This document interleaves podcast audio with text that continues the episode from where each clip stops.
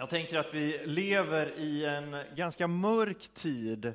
Um, häromveckan så, en, en, i min närhet, hennes pappa fick flytta hem alldeles för tidigt. Uh, vi lever i en verklighet där missiler slår ner precis intill kärnkraftverk och där miljötoppmöten går i stupet för människor som hellre vill rädda sin ekonomi. Eh, vi lever i en eh, mörk tid på, på många sätt. Eh, och när vi tittar bakåt i historien, när vi backar bandet för 3600 år sedan, så var det också en mörk tid. Den stora ockupationsmakten hette Babylon eller det assyrisk-persiska riket och de ockuperade områden Människor blev kuvade och förtryckta och ett av alla de här folken som de la under sig hette Israels folk. Israels folk var ett ganska primitivt folk. Det var inte ett storslaget folk. Det var inte ett, ett folk som, som konkurrerade med Babylon om, om makt och inflytande i det här området. Utan det var Babylon som ville härska, som ville dominera. Och Babylon, för att folken som de la under sig inte skulle göra uppror, så satte de folken i olika indoktrineringsprogram för att arbetas in i Babylons kultur, Babylons språk, Babylons sätt att leva, Babylons gudar att tillbe. Och för att folken inte skulle göra uppror så krossade man deras städer, man rev ner deras tillbedjan. Och för Israels folk så innebar det att Jerusalem jämnades med marken och platsen för att tillbe Gud försvann. Templet blev rivet. Det var en mörk period, det var en mörk tid. Och för Israel så fanns det en ärkefiende i amalekiterna där vi möter Naman i Esters bok som till och med försöker få folket utrotat. Alltså Israel ställs inför ett ambitiöst folkmord. Och jag tänker att vi känner igen de här vingslagen genom historien. Och i vår samtid så, så, är de lika påtagliga med berättelser om uigurer i Kina, om ukrainier som, som blir adopterade in i Ryssland för att inarbeta det i en rysk kultur, om tigerianer i Etiopien och rohingyer i Burma och Myanmar. Alltså vi ser de här sakerna gång på gång. Israel sätts under mörkrets välde. Men efter 70 år så får folket återvända. Folket får återkomma till sitt land. Men när de kommer tillbaka så kommer man till ett land som inte längre är. Ett land som är sönderbombat. Ett land som är förstört. Ett land där nya människor bor. 70 år utan fångenskap som har försökt rasera historien och identiteten. De slutar i rotlöshet och vilsenhet. Och vad gör Gud? Jo, Gud sänder profeten Sakarja. Sakarja som talar ut adventstexten till ett folk som är besegrat, ett folk som har återvänt tomhänta till ett land som inte längre är. Och vad säger Sakarja? Sakarja säger i kapitel 9, vers 9-10. Ropa ut din glädje, dotter Sion. Jubla, dotter Jerusalem. Se, din konung kommer till dig. Rättfärdig är han. Seger är honom given. I ringhet kommer han, ridande på en åsna, på en ung åsnehingst. Jag ska förinta alla stridsvagnar i Efraim, alla hästar i Jerusalem. Krigets vapen ska förintas. Han ska förkunna fred för folken och hans välde ska nå från hav till hav, från floden till världens ände. Ropa ut din glädje. Vem kan glädja sig när allt är utplånat? Se din konung kommer till dig. Vem kan se kungen komma när det inte finns en tron att besitta? Men profeten profeterar om att en dag så kommer han som ska göra slut på krigen och utbreda fredens rike. Han planterar hopp i misären. Det är advent.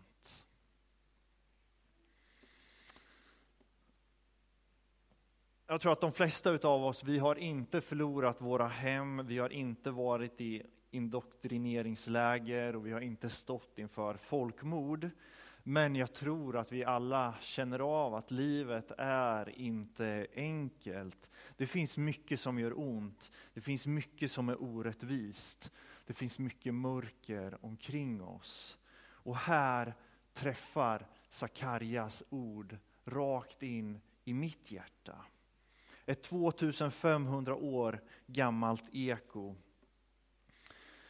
träffar de krossade drömmarna, som krossar tomheten.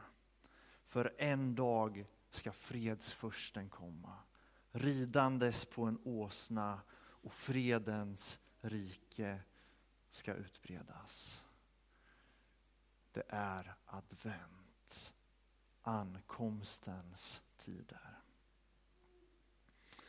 I morse innan jag hann komma in i köket så stod Tovelina på bordet och tände ljuset. Hon har precis lärt sig att tända och hon fattade att det är idag man får tända ljuset på adventsljusstaken. Eh, det är fantastiskt att tända ljus i mörkret. Och det finns ju en, en djup symbolik i att tända adventsljusstaken i den mörkaste tiden på året. Alltså det här bottnar ju i den mänskliga erfarenheten av att inte ens det mörkaste mörkret är mörkt nog. Ljuset lyser i mörkret och vänder den mörkaste tillvaron till ljus. Varför tänder vi adventsljusstake? Jo, för att Gud är verksam. Gud är verksam i vår tid och han kommer till oss för att upprätta, styrka och förändra. Ropa ut din glädje, dotter Sion. Jubla, dotter Jerusalem. Jesus kommer till oss och han rider genom rädsla, genom besvikelser, genom hopplöshet. Han rider genom inre mörker, genom ärr och öppna sår. Och när Jesus kommer så samlas folket. De fattiga kan glädja sig. De förpassade och förbisedda får sträcka på ryggen. För nu håller löftet på att gå i uppfyllelse. Han kommer för att strida mot orättvisor och misär. Men alla blir ju inte nöjda när Jesus kommer. Alla ser inte det man hoppas på i Jesus. Den som väntar sig en kung med vapenmakt blir besviken. Den som väntar sig en kung som ska födas i palatset i Rom blir besviken. Jesus blir född i den avlägsna och udda nationen Israel och han rider inte in med vapenmakt.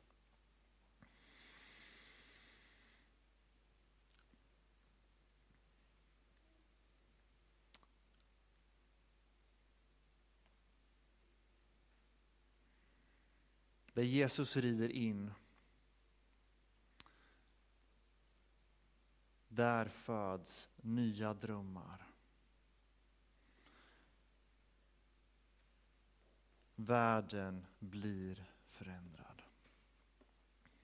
Och jag tror att den stora frågan i händelserna om Jesus är inte om Jesus föddes, om han red in i Jerusalem på en åsna, om Jesus blev korsfäst. De här frågorna är man väldigt överens om inom forskarsamhället. Utan den stora frågan är om vi tillåter Jesus rida in i våra liv. Kommer vi ta emot kungen som gör slut på krigen? Eller kräver vi hämnd? Kommer den religiösa eliten ta emot uppenbarelsen av skrifterna? Eller kommer de att kräva att uppenbarelsen ska stämma överens med deras föreställningar? Kommer jag att tillåta att Jesus rider in i mitt liv och förvandlar mig? Eller kommer jag hålla honom ifrån mig för att jag inte vill förvandlas? Kanske vill jag behålla mina sår, mina ärr och mina krossade drömmar. Kanske vill jag bli fast i min bitterhet. Nej, säger Sakarja. Och därför sluter vi upp i orden Ropa ut din glädje, dotter Sion. Jubla, dotter Jerusalem. Och han står här mitt ibland oss. Han rider in mitt i vår uppgivenhet, mitt i våra krossade drömmar. Varför? Jo, för att han är Gud för dig. Han är Gud med dig. Han är Gud på din sida. Det är advent och vi firar hans ankomst in i våra liv. Där natten ger vika, där de hungriga blir mättade, de fattiga blir bekräftade och de utstötta blir de främsta. Sakarja profeterar och en gnista hopp tänds i våra liv. Ett frö av liv planteras i våra liv. Jesaja säger det folk som vandrar i mörkret ska se ett stort ljus. Över dem som bor i mörkrets land strålar ljuset fram. Se, din konung kommer till dig.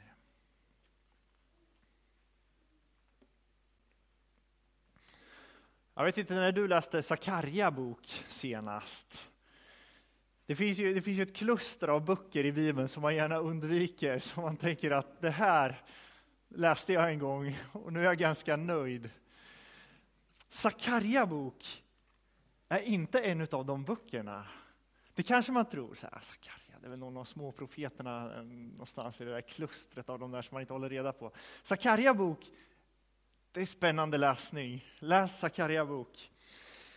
Vad handlar Sakarja bok om? Jo, men Sakarja bok handlar om förbundet. Det kretsar om hur folket förhåller sig till förbundet och så berättar han massa berättelser. Han berättar åtta eller nio berättelser som är liksom olika symboliker för, för Israels relation till förbundet.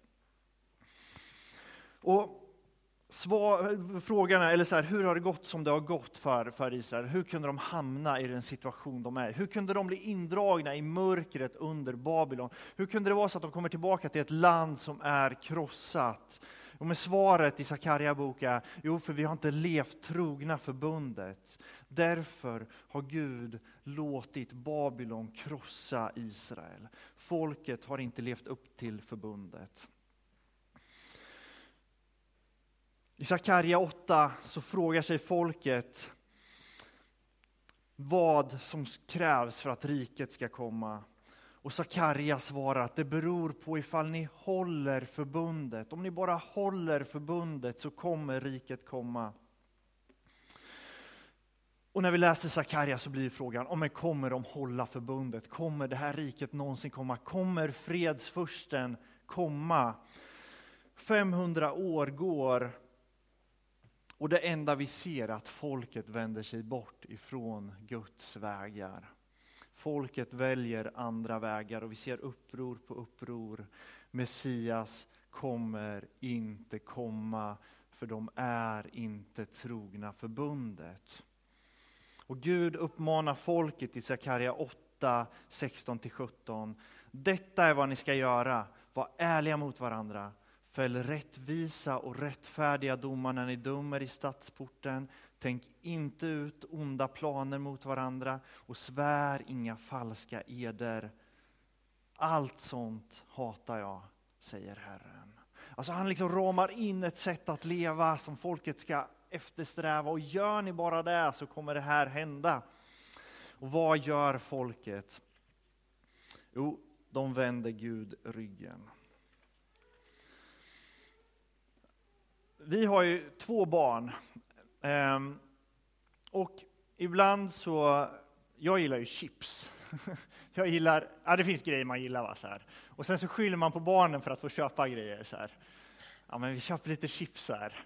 Och sen när man har små barn, ni vet, så, så blir det ofta bråk. Så här. Små grejer, eller så här att de tar inte undan disken eller någon spiller ut grejer. Så här, och så så säger man de här dumma grejerna som man alltid får äta upp. Så här. Eh, det blir inga chips om du inte eh, plockar upp. så här. Och det som händer är att de plockar inte upp de här grejerna. Och då ställs man inför det här dilemmat. Så här. Ska, ska jag vänta med chipsen till de sover? Eller hur ska jag lösa det här? här. Och där är man ju en, en okonsekvent förälder. Så man, man hjälper ju till, eh, och, och, ofta kanske man gör det utan att de ens hjälper till själva. Så här. Man ställer sig och så plockar man upp det här som de har ställt till med, eller vad det kan vara. För att vår kärlek är starkare än de kraven vi formulerar gentemot våra barn. Alltså vad ska Gud göra? Han har formulerat mängder med krav. Gör det här så kommer fredsfursten komma, så kommer jag upprätta mitt rike, så kommer allt bli så som jag har avsett skapelsen till att vara. Gud säger i Sakarja 8 och vers 2. Så säger Herren Sebaot, stark är min lidelse för Sion. Jag ivrar för henne i mäktig vrede. Så säger Herren, jag vänder åter till Sion, jag vill bo i Jerusalem. Jerusalem ska kallas de trogna stad och Herren Sebaots berg, det heliga berget. Så säger Herren Sebaot. Åter ska gamla män och kvinnor sitta på torget i Jerusalem, alla med, knäpp, med käpp i handen. Så gamla är de. Stadens gator och torg ska fyllas av lekande barn. Så säger Herren Sebaot. Om de som är kvar av folket tror att detta är omöjligt i kommande dagar, är det därför omöjligt för mig, frågar Herren Sebaot. Så säger Herren Sebaot. Jag ska rädda mitt folk ut ur Österns länder och Västerns. Jag ska hämta hit hämta dem hit och låta dem bo i Jerusalem. De ska vara mitt folk och jag ska vara deras Gud i trohet och rättfärdighet. Vad gör Gud? Ger han upp om människorna? Väntar han tills de håller förbundet? Nej, när folket inte uppfyller förbundet så uppfyller Gud förbundet. I Romarbrevet 3 så berättar Paulus om hur Jesus är den som är trogen förbundet. Alltså där mänskligheten misslyckas, där går Gud in och är trogen förbundet för att mänskligheten ska få del av förbundets luften. Varför gör Gud så? Jo, för att människorna är oförmögna att göra det som är gott. Världen är en mörk plats och sanningen är att du och jag är del utav mörkret. Vi bär på det som är ont. Och Gud vet det. Han förutsätter att vi ska leva upp till förbundet för att vi ska få del av Guds goda. Men vi gör inte det. Så vad gör Gud? Jo, Gud städar upp det som vi har förstört. Gud griper in för att vi ska få del av det goda som han har för oss. Det är advent. Gud griper in i den här världen. Gud kommer. I ett stall i Betlehem, inridande i Jerusalem på en åsna. Här blir världen ny. Och inte för att vi har levt upp till det som Gud kräver, utan för att Gud tar våran plats och lever upp till förbundet i vårat ställe. Varför? Jo, för att Gud längtar efter oss. För att Gud längtar efter att få dela det här goda med oss. Vi tänder ett ljus för att ljuset lyser i mörkret. Men egentligen så är det Gud som tänder ett ljus. Gud tänder ett ljus i vår värld och vi får vara en del i det. Det börjar inte med oss, utan det börjar med Gud. Gud griper in. Gud lever upp till förbundet. Och här händer någonting nytt i världen. Gud kommer till oss. Gud är för dig. Dina omständigheter möter du inte själv. Och inte för att vi har förtjänat det, för att vi är duktiga, utan för att Gud träder in i vårat ställe. Därför rider Jesus in på åsnan. Därför låter sonen sig bli ett med mänskligheten i Marias sköte. Det är hopp och ljus för ett folk utan hem. Det är hopp och ljus för den misslyckade, för den förtryckte och för den förpassade. Det handlar inte om din fullkomlighet, utan om att Gud griper in. I slutet av Jesaja, Jesaja kapitel 14 och vers 69 så profeterar Sakarja, Sakarja om när det här ska fullkomnas. Han säger, den dagen ska det inte längre finnas någon kyla eller frost. Det ska vara ständig dag. Herren vet när den kommer och ingen växling mellan dag eller natt, utan när kvällen kommer ska det vara ljust. Den dagen ska friskt vatten strömma ut från Jerusalem, hälften mot det östra havet och hälften mot det västra havet. Sommar och vinter ska det vara så, och Herren ska vara konung över hela jorden. Den dagen ska Herren vara en och hans namn ett enda. Alltså en dag så kommer det här fullkomnas. Och vi känner igen motivet om livets vatten ifrån Hesekiel, ifrån Jesaja, ifrån Uppenbarelseboken, ifrån Jesus som själv säger att jag är livets vatten. Och en dag så kommer de här texterna gå i uppfyllelse och vi ska få vila tillsammans med lammet som ligger bland vargarna och bland lejonen. Och det som en gång var är förbi. Varför? Jo, för att Gud griper in i den här världen. Det är advent. Gud kommer till oss. Det är ljus i mörkret. Det är inte bara ett, ett mysigt ögonblick på morgonen när man liksom tar en stund och stillar sig, utan Gud gör världen ny. Det är inte bara lussebullar, dofter och smaker, utan världen blir ny. Ropa ut din glädje, dotter Sion. Jubla, dotter Jerusalem. Vi ber tillsammans. Tack Jesus för att du kommer till oss. I det som vi inte förmår ställa till rätta eftersom vi är del utav mörkret. Det är vi som har ställt till det så, så lämnar du oss inte ensamma utan du förvandlar den här världen.